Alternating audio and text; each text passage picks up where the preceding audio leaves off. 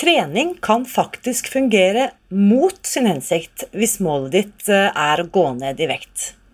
Årsaken får du vite i dagens episode når høyskolelektor Marit Kolby-Zinnøkker kommer på besøk.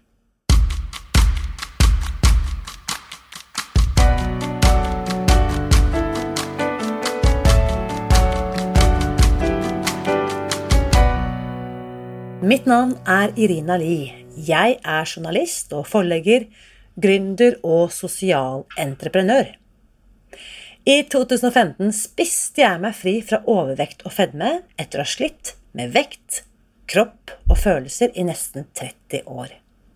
Etter at jeg fant oppskriften på å spise meg fri, ga jeg meg selv et nytt oppdrag å dele denne kunnskapen med alle som trenger det. I første sesong av denne podkasten deler jeg hele lydboken eh, Spis deg fri. Den finner du ved å bla deg tilbake til høsten 2019. Og hver uke inviterer jeg nå gjester som gir deg påfyll til hodet, hjertet og magen. For min visjon er å endre Helse-Norge, og det får jeg ikke til alene. Du kan bidra ved å abonnere på podkasten, skrive en omtale i iTunes og dele denne episoden med noen du bryr deg om. Da setter vi i gang med ukens episode. Jeg er ganske sikker på at dette er første gang jeg får mulighet til å ønske noen velkommen tilbake til podkasten. Ernæringsbiolog Marit Kolbeth Sinnøkke var nemlig også med som gjest i april i år, da vi bl.a. snakket om faste, tarmhelse, autofagi og søvn. Hvis du gikk glipp av den episoden, som helt klart har vært en av de mest populære episodene gjennom dette første året med podkast, så finner du den ved å scrolle deg tilbake i arkivet, eller gå til spisdegfri.no 34. Marit har altså en mastergrad i ernæringsbiologi fra Universitetet i Oslo, og er også ansvarlig for det ernæringsfaglige innholdet på bloggen til Bjørknes høgskole, hvor hun da bl.a. underviser studenter på ernæring og medisin. Før jeg slipper til Marit, så har jeg bare lyst til å lese opp en kommentar fra Lillian, som hun la ut i den åpne Facebook-gruppen Spis deg fri for noen uker siden. Hun skriver Kjøpte kokeboken, og da fant jeg ut at jeg hadde Susan sin bok i bokhyllen allerede. Hashtag full kontroll. Eh, har bestemt meg for å lese meg opp, ikke bare hive meg ut i det som jeg vanligvis gjør. Hører podkaster og kjenner at dette er noe jeg vil. Skynde meg langsomt, skriver Lillian. Og jeg må bare si tusen takk for din tilbakemelding, Lillian. Og det å skynde seg langsomt er et fantastisk godt råd som jeg håper flere kan la seg inspirere av. Kjære Marit, velkommen tilbake til podkasten.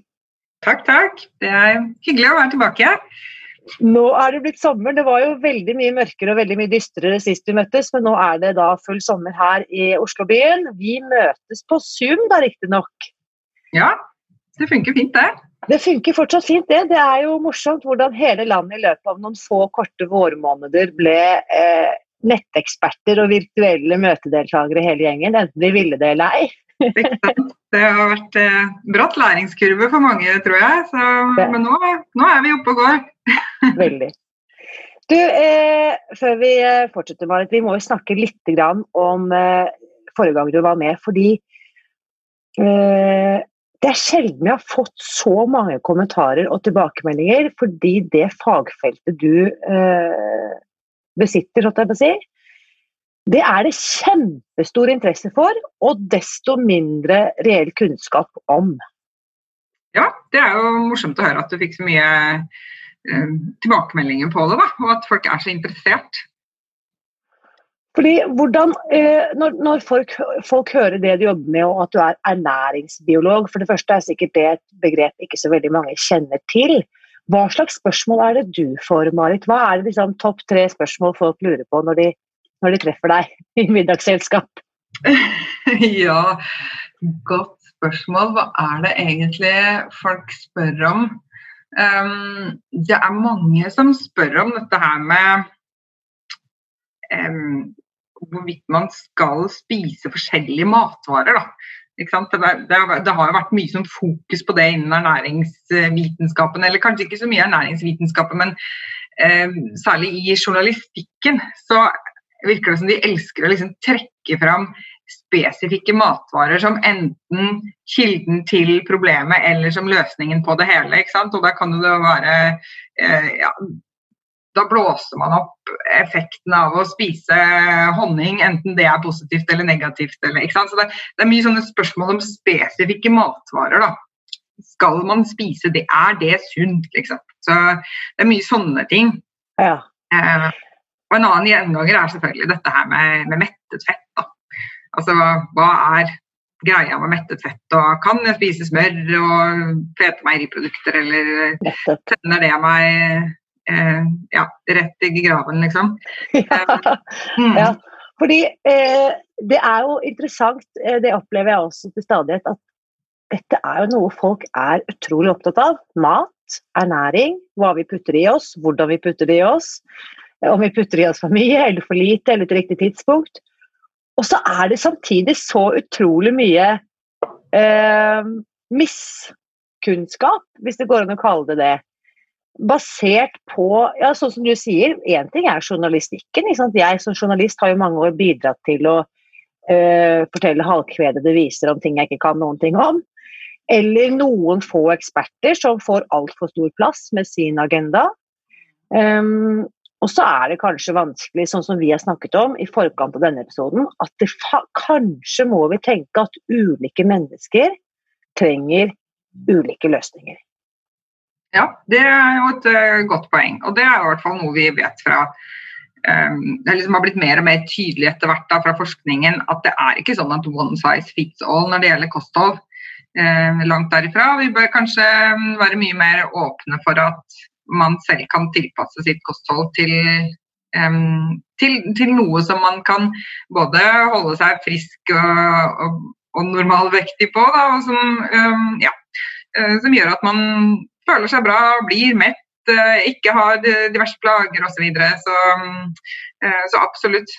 Det med individuell eh, tilpasning er, er viktig. Det som funket for meg, trenger ikke å funke for noen andre. Mm.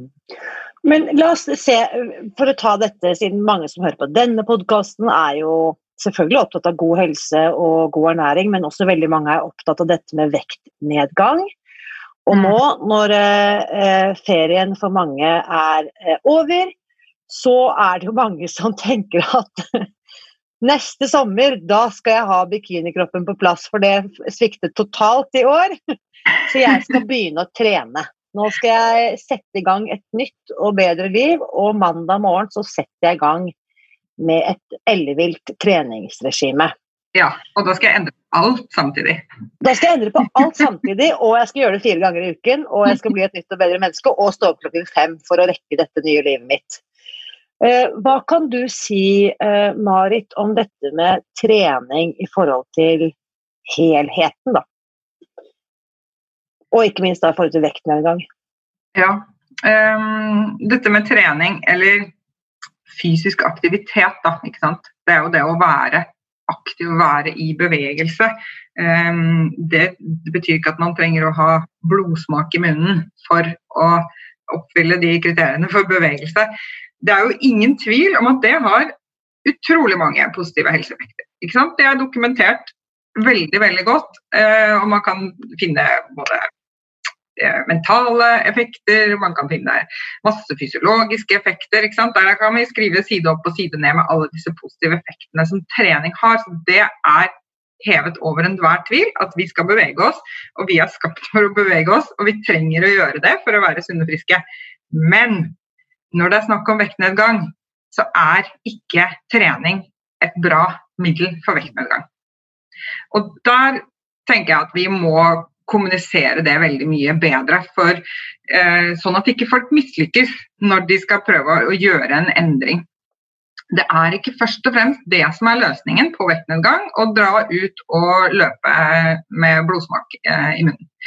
Um, og der, der, må vi slutte å, å, å, formidle feil kunnskap da. Og det mener jeg at det, altså der er det jo fortsatt både i tabloid journalistikk, og, men også med tanke på mer offisielle råd og sånt, er det veldig mye fokus på det med trening i forbindelse med vektnedgang, mener jeg virker helt mot sin hensikt. For det er masse studier nå som har dokumentert at eh, trening er ikke effektivt ved vektnedgang. Det er ikke først og fremst det man skal um, det er ikke først og fremst det man skal bruke som middel for vektnedgangen. Da. Mm. Hvorfor er det ikke effektivt? Nei, altså det, det, virker veldig sånn kontraintuitivt. Men det er også fordi vi har blitt lært opp til å tenke på dette her med energi og energibalanse som et sånt veldig enkelt regnskap, hvor vi kan bare trekke fra og legge til. Eh, ikke sant? Så, så sånn mattestykke. Og så ser man da på energibehovet, og så ser man på energiinntaket, og så lager man en, et regnskap som går i pluss eller minus. Og så tenker man at ja, men hvis det regnskapet går litt i minus, ja da vil man gå ned i vekt. Eh, men sånn fungerer ikke kroppen. Eh, den kan til dels fungere omtrent sånn hvis man er i vektbalanse. Så kan kroppen Altså hvis man ikke skal ned i vekt. Så hvis man tenker forebygging og normaltilstand for, for eh, normalvektige personer, så vil det å trene kunne forhindre vektoppgang. Men det er en helt annen situasjon enn det å skulle gå ned i vekt. Fordi at energistatusen til kroppen det er noe av den, det viktigste. Um, altså Kroppen er veldig opptatt av å hva skal man si, passe på sin energistatus da, og forsvare energistatusen sin med masse forskjellige biologiske mekanismer. Så hvis energiinntaket blir lavt, så at man er i energiunderskudd da, fordi man skal gå ned i vekt, så kommer kroppen til å spare på andre prosesser hvis man er mye i bevegelse. Eh, og det meste av det vi bruker energien vår til i løpet av et døgn, det er eh, vedlikehold. Alle cellene våre skal, skal vedlikeholdes. Alle disse funksjonene skal stå og tikke og gå hele tiden. Det er masse masse, masse funksjoner. Transport inn i celler, ut av celler. Sånn. Dette er energikrevende. Og så, og så kreves det også energi for å bytte ut ja, proteiner som ikke fungerer lenger, som skal bygges opp igjen på nytt. Alle disse prosessene her er energikrevende. Det er det vi bruker mest energi på gjennom døgnet. Så hvis man trener mye og er i energiunderskudd, så vil kroppen spare på disse prosessene i stedet for. Det er det som er um, ja, det er på en måte det man har uh, Det er den konklusjonen man har kommet fram til da, uh, ut fra de studiene som er gjort på det området. Så selv om kroppen eh, La oss si at jeg veier 150 kg. Jeg ønsker å gå ned halve kroppsvekten min. Idet jeg begynner å kutte kalorier og trene mer, så vil kroppen tenke at nå er det fare på ferde.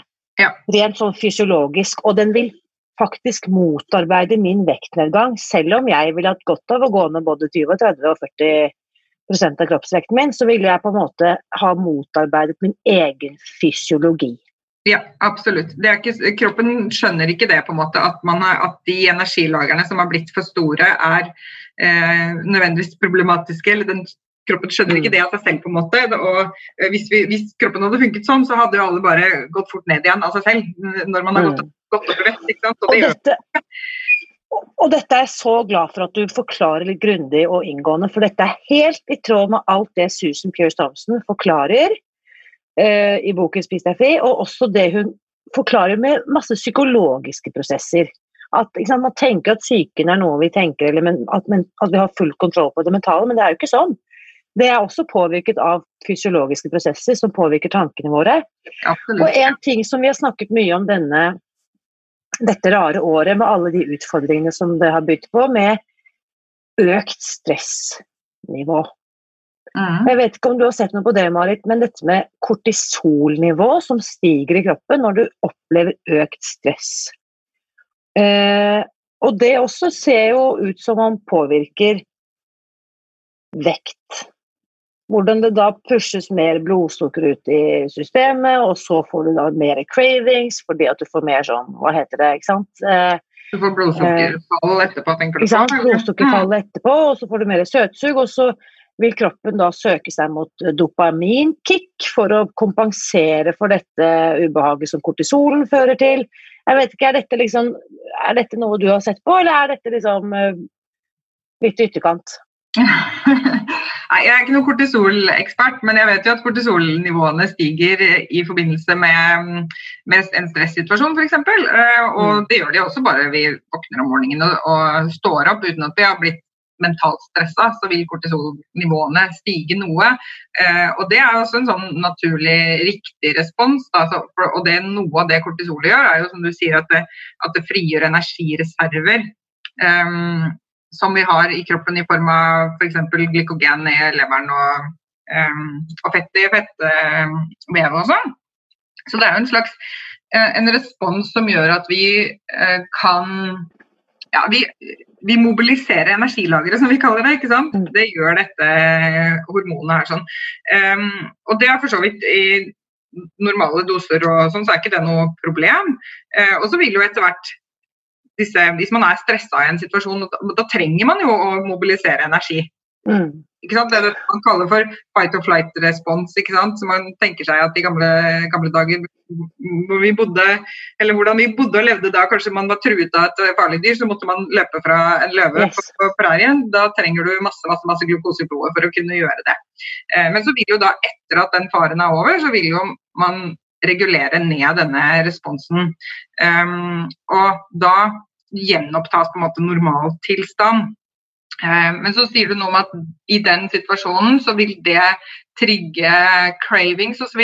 Det kan godt hende at det stemmer. Det ikke, den litteraturen har ikke jeg sett noe på. Nei. Men det vil ikke være så unaturlig hvis man da tenker at man har hatt et stort forbruk av energi over kort tid, og veldig mye sånn aktiverte stressresponser, at det vil trigge da etter hvert en, en biologisk respons til å gjenopprette den energien. da. Det, mm det høres ikke urimelig ut for meg, men, mm. Eh, men, akkurat den litteraturen kjenner jeg ikke sånn i detalj. Nei. Og det som er mm. interessant, for Jeg har jo også bakgrunn som yogalærer og har studert pust og meditasjon. og Det som er interessant der, der på en måte adresserer vi jo disse problemstillingene, men ikke nødvendigvis anatomisk eller fysiologisk. Men vi bare anerkjenner at når vi er i en stresset state, så vil det være veldig formålstjenlig å roe ned på en måte ha mer yin-orienterte praksis, med lange utpust og på en måte roe ned. Og så er det interessant nå å se hvordan forskningen faktisk viser hvordan rolig pust påvirker hele systemet.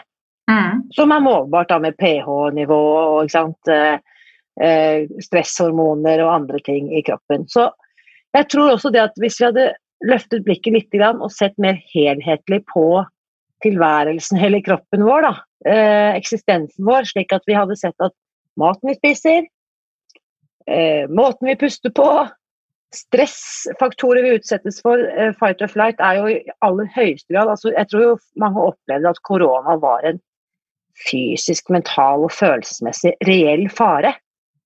Ja, det kunne like gjerne vært en grizzlybjørn som sto over oss og holdt på å spise oss levende. ikke sant? Ja, det er jo det er vår, vår tids grizzlybjørn. Men ja, vår moderne grizzlybjørn. Og, og, jeg tror til og med opplever jeg innimellom at den derre innboksen som aldri blir tom, den føles ut som kommer og spiser meg innimellom den òg, ikke sant? Med hud og hår. Eh, men dette moderne mennesket Og da tenker jeg, i den situasjonen, så vil jo heller ikke det å utsette kroppen min for enda mer stress med heavy styrketrening og lange løpeturer og, sant, og begrenset uh, matinntak. Det vil jo ikke være formålstjenlig. Da vil jo kroppen tro at det er enda mer fare på ferde? Ja, det kan man jo for så vidt. Eh, det kan jo være en, en tolkning, men på den annen side så, så vet vi jo det at, altså, at denne fysiske aktiviteten er, kan jo også være veldig lystbetont ikke sant? og har positive effekter, bare man da ikke tror at man skal bli veldig slank av å gå en tur eller løpe seg en tur eller trene litt eller et eller annet sånt. Så jeg tror også at i um, Eller det er, noe, det er noe forskning på det at når man er stressa eh, og har en sånn stressrespons med utløs, utløsning av disse stresshormonene, som f.eks. kortisol, så kan det være veldig nyttig å faktisk på en måte frigjøre den, det stresset ved å være fysisk aktiv. Så det, det, er ikke gitt at det er negativt, at man liksom da skal la være å være fysisk aktiv fordi at man er i en stressa situasjon. Det kan godt være at det er egentlig en veldig bra måte ja. å skal man si, ri av den reaksjonen på da, og få kroppen tilbake i normaltilstand. Og, det er det sikkert mange som har opplevd også. at man, altså, eller, og det har jeg også opplevd personlig, at det å liksom, ta seg en løpetur eller en kjapp gåtur eller et eller annet, hvis man er liksom stressa eh, og oppjaget på et eller annet vis mentalt, så kan det absolutt bidra til at man roer seg ned. og Um, og Det kan jo både være de tankeprosessene som går når man er aktiv, men det kan også være rent sånn fysiologisk at man gjenoppretter normaltilstand i kroppen. Da.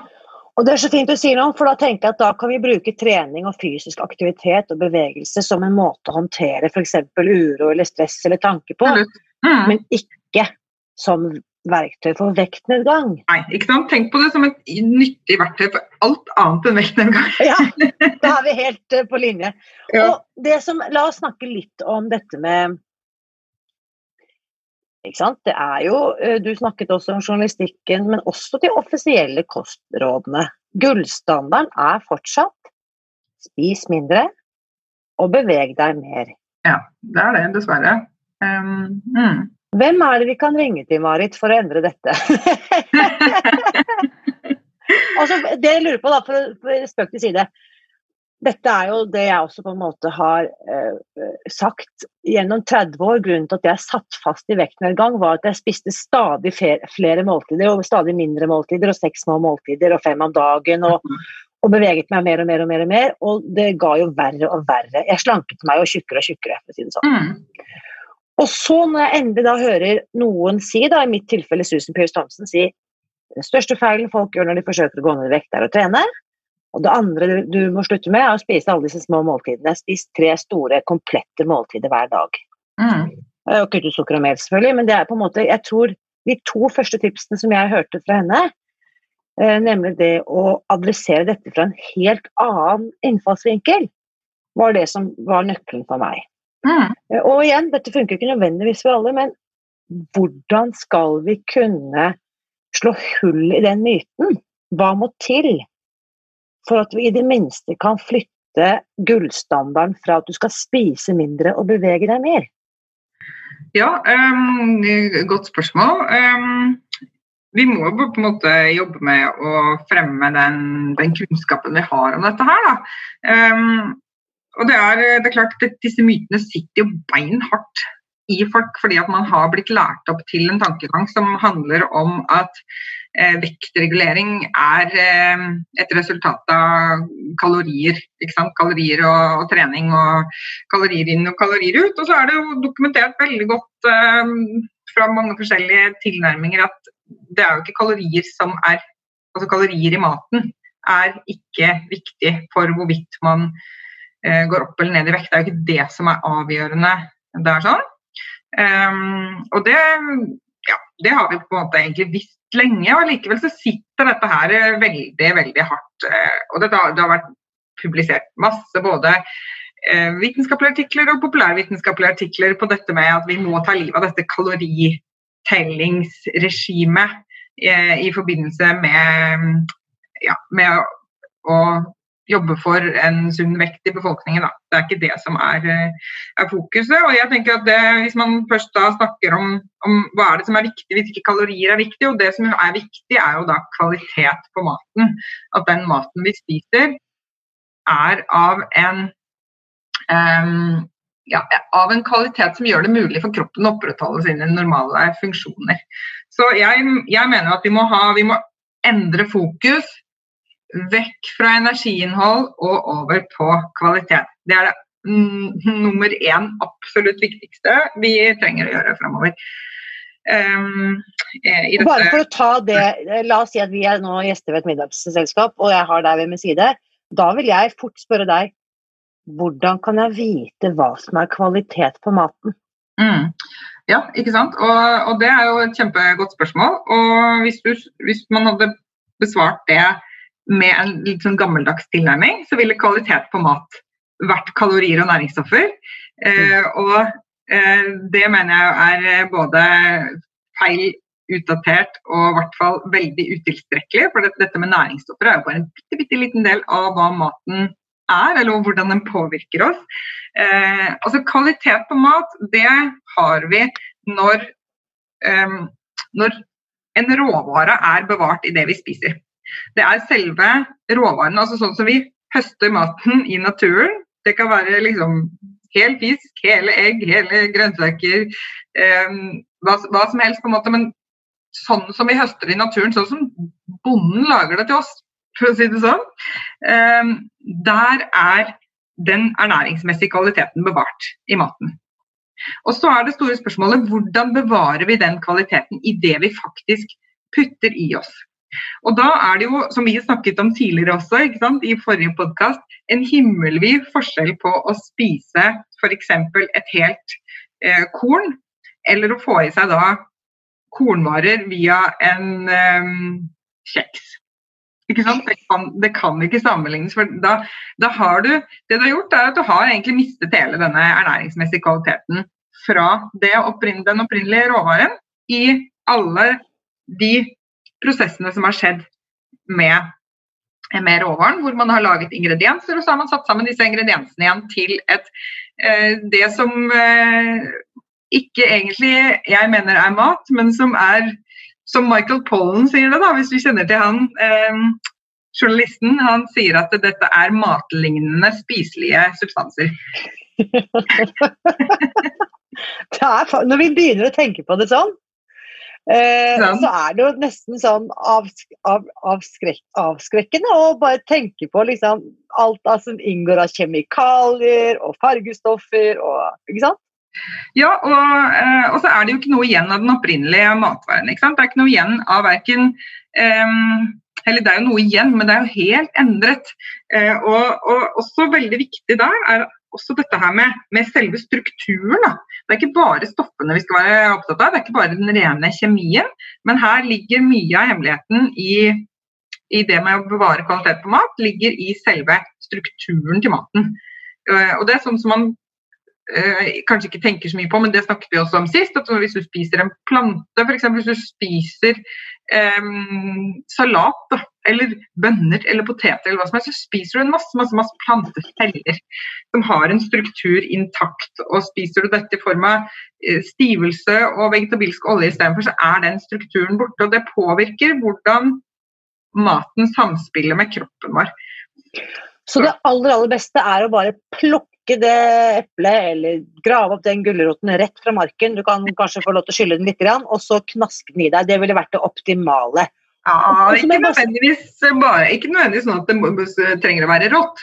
Det er ikke det som er nei, poenget. Nei, okay. Men nei, at, man, at, man, ikke um, har endret den så mye altså Man bør kunne gjenkjenne på en måte hva det er man spiser da, i yes. det måltidet. For Det er klart at ja, det, det, er noen fordeler ved å spise en rå gulrot f.eks. Um, hvis den er dyrket på en bra måte, så vil man kunne få i seg ja, man vil kunne få i seg noen bakterier kanskje som man har bruk for. Um, det vil være noen stoffer som finnes i rå mat som ikke finnes i kokt mat. Men på den andre side så vil en kokt gulrot den vil kunne uh, bidra med mer av næringsstoffer f.eks. For fordi de er tilgjengelige når den er kokt og strukturen er brutt litt ned. Så her er det litt sånn, Man må tenke ha to tanker i hodet samtidig. Kanskje det er bra å spise både litt rå mat og litt kokt mat. og dette liker jeg at du sier, fordi jeg var i, i min uh, Mens jeg var på kjøret, for å si det sånn, mens jeg drev og lette febrilsk rundt etter uh, siste hype og trend som skulle hjelpe meg ned i vekt, så var jeg jo innom raw food et lite øyeblikk. Mm. Uh, hvor vi ikke skulle varme opp maten til over 50 grader, tror jeg konseptet var. Hvis ikke jeg husker det feil. 50 eller 55 grader. Ja, det er jo lav temperatur. Mm. Lav temperatur, og det, ting skulle tørkes, og ting skulle Ikke sant. Diverse sånne eh, opplegg. Eh, også et godt påskudd for å kjøpe masse nye dippedutter til eh, kjøkkenet.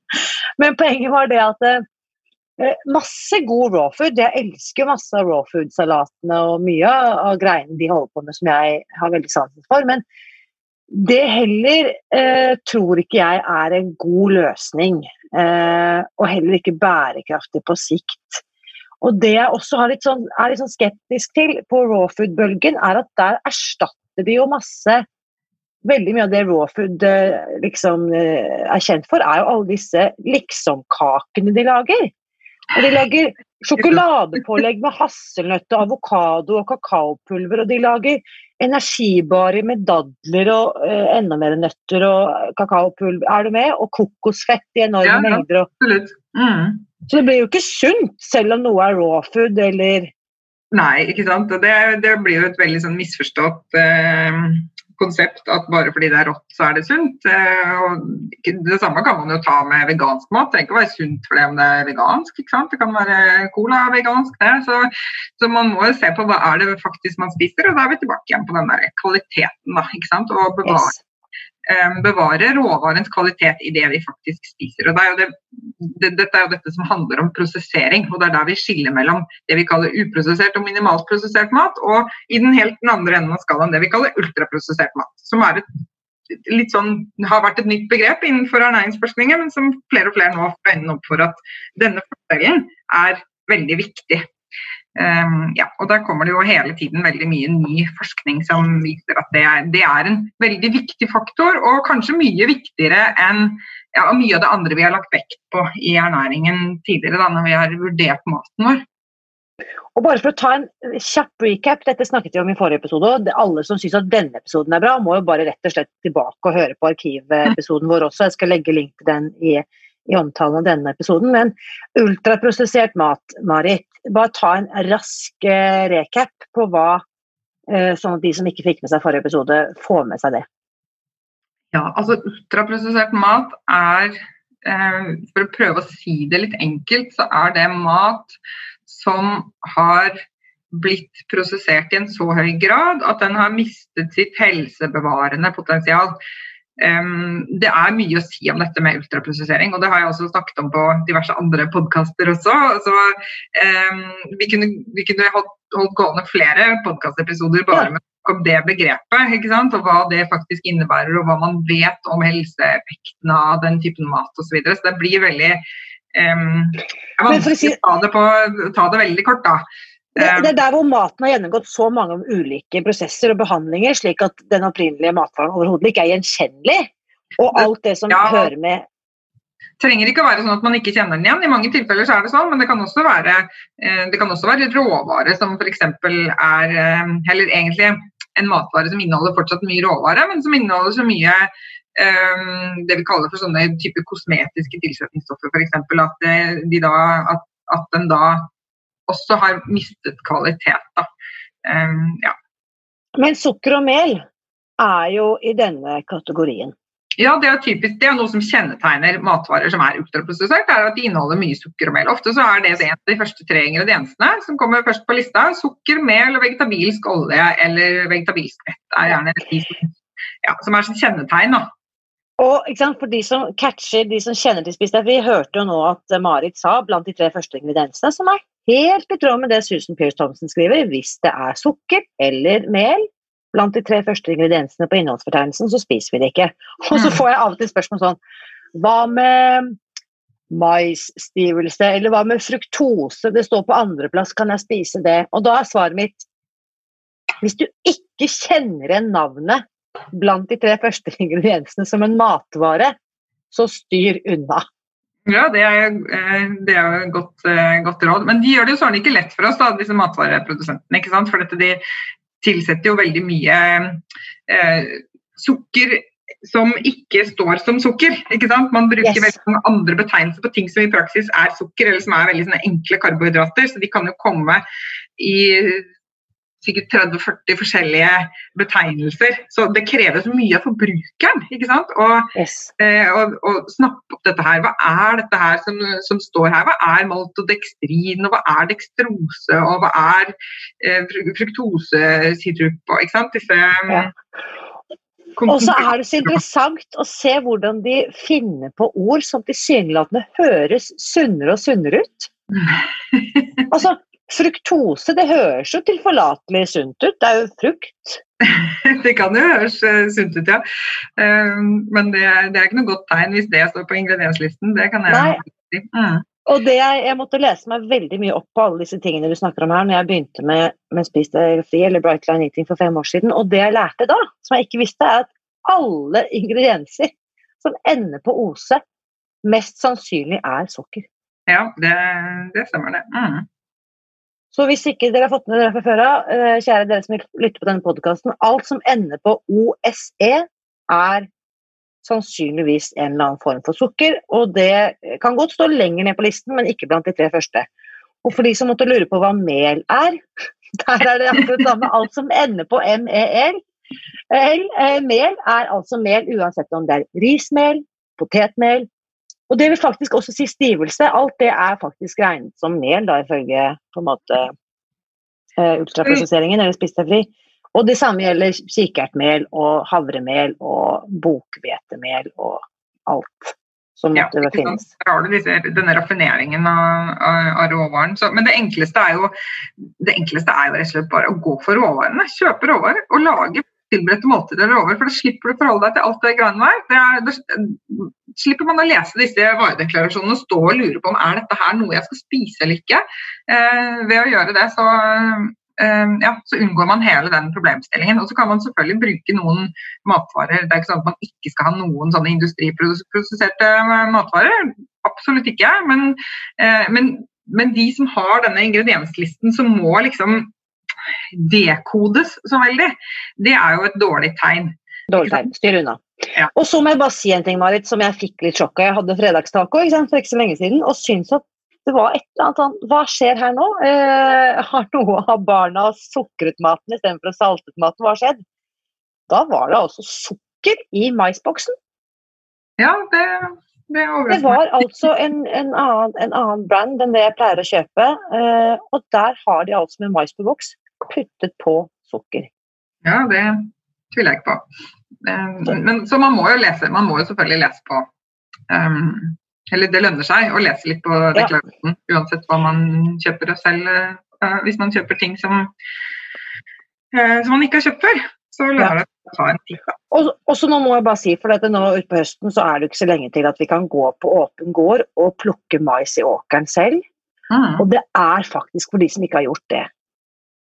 Apropos fredagstaco. Det er så himmelvid forskjell på smaken på det du snakker om, en fersk, ekte råvare, og den som har gjennomgått en eller annen form for prosessering, enten det nå er behandling eller oppvarming eller frysing eller hermetisering. For de som ikke har hatt gleden av å oppleve det ennå, så vil jeg si at gjør det denne høsten. Gå ut, finn deg en eller annen åker og spør om du kan få kjøpe noe rett fra bonden, for det er helt utrolig stor forskjell i smak. Ja, det er helt fantastisk eh, det, hvordan det smaker av helt fersk mais. Og så kan man fryse de rå og putte de rett fra fryseren i kjelen, har jeg lært. Så yes. Det gjør også det hele mye enklere å, å, bevare. Da kan man kjøpe et helt glass med maisbobler Og ha, jeg... yes, og da vil jeg skrelt dem først. Ja, det, det stemmer sikkert. Mm. Og så det, det er så mye triks og fiks, uh, å si. Man kunne det, frysing av mat er en fantastisk konserveringsmetode som folk tenker at det er liksom feil å kjøpe frossen mat. Det er veldig mye bra råvarer som er eh, ferskfryst. Ja, absolutt. Som, mm. som er, eh, og veldig bra eh, ernæringsmessig når man varmer det opp igjen og spiser det eller lar det tine. Du, dette her var fantastisk, Marit. Jeg, det er så mye på listen min som jeg fortsatt ikke har rukket å spørre deg om, men vi i tiden har løpt fra oss. Så da får vi bare si at eh, kan ikke vi bare ha en avtale om at du kommer tilbake til denne podkasten igjen og igjen? Jo, altså hvis lytterne vil det, så, så skal jeg klare å få til det, vet du.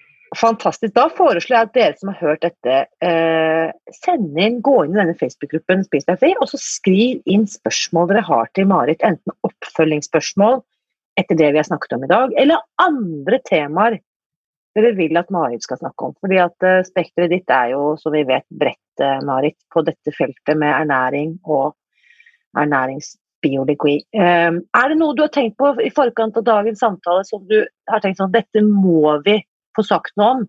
Så er dette muligheten, Marit. ja, tja, hva skal jeg si? Kanskje jeg skal benytte anledningen nå som jeg er på lufta. Fordi, så, så, Sånn som vi snakket om i forrige episode, så, da snakket vi litt om dette med faste. Og dette med å skyve på frokosten for å få, lengre, for å få en lengre nattfaste og ha disse lange, lengre eller forlengede fasteperiodene hvor man kan brenne av sitt eget kroppsfett, eller man kan få reparert eh, seg selv innenfra og slike ting som vi snakket om.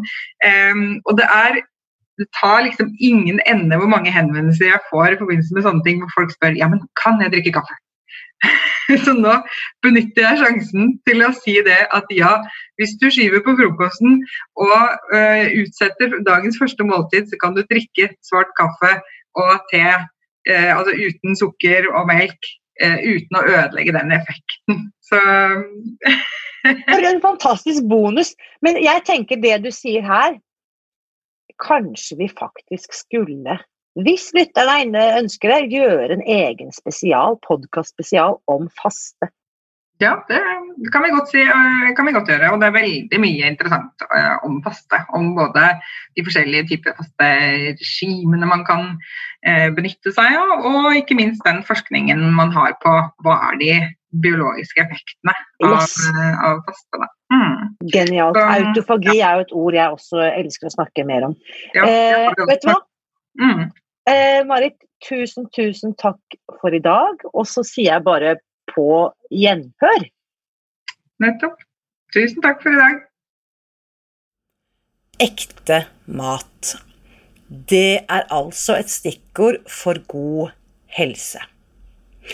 Hvis du som hører dette kanskje ikke vet noe om Spis deg fri, så vil jeg først og fremst anbefale deg å lese deg opp og skynde deg langsomt, slik som Lillian skrev i sin eh, tilbakemelding i kommentarfeltet tidligere. Og hvis jeg var deg, så ville jeg ha begynt med å laste ned et gratis utdrag av boken eh, Spis deg fri, sånn at du kan lese de første kapitlene eh, med en gang. Og de finner du hvis du går til spisdegfri.no skråstrek minibok. Og neste søndag, det er faktisk en helt spesiell dag, for da feirer nemlig denne podkasten ett år. Og det har jeg tenkt å markere med en litt annerledes episode. Følg med da og bli med på feiringen. Og hvis du har lyst å tjuvstarte feiringen, så kan du gjerne skrive din hilsen til ettårsjubilanten allerede nå ved å klikke deg inn på iTunes og skrive en omtale av dagens episode eller noe av det du har hørt gjennom dette året.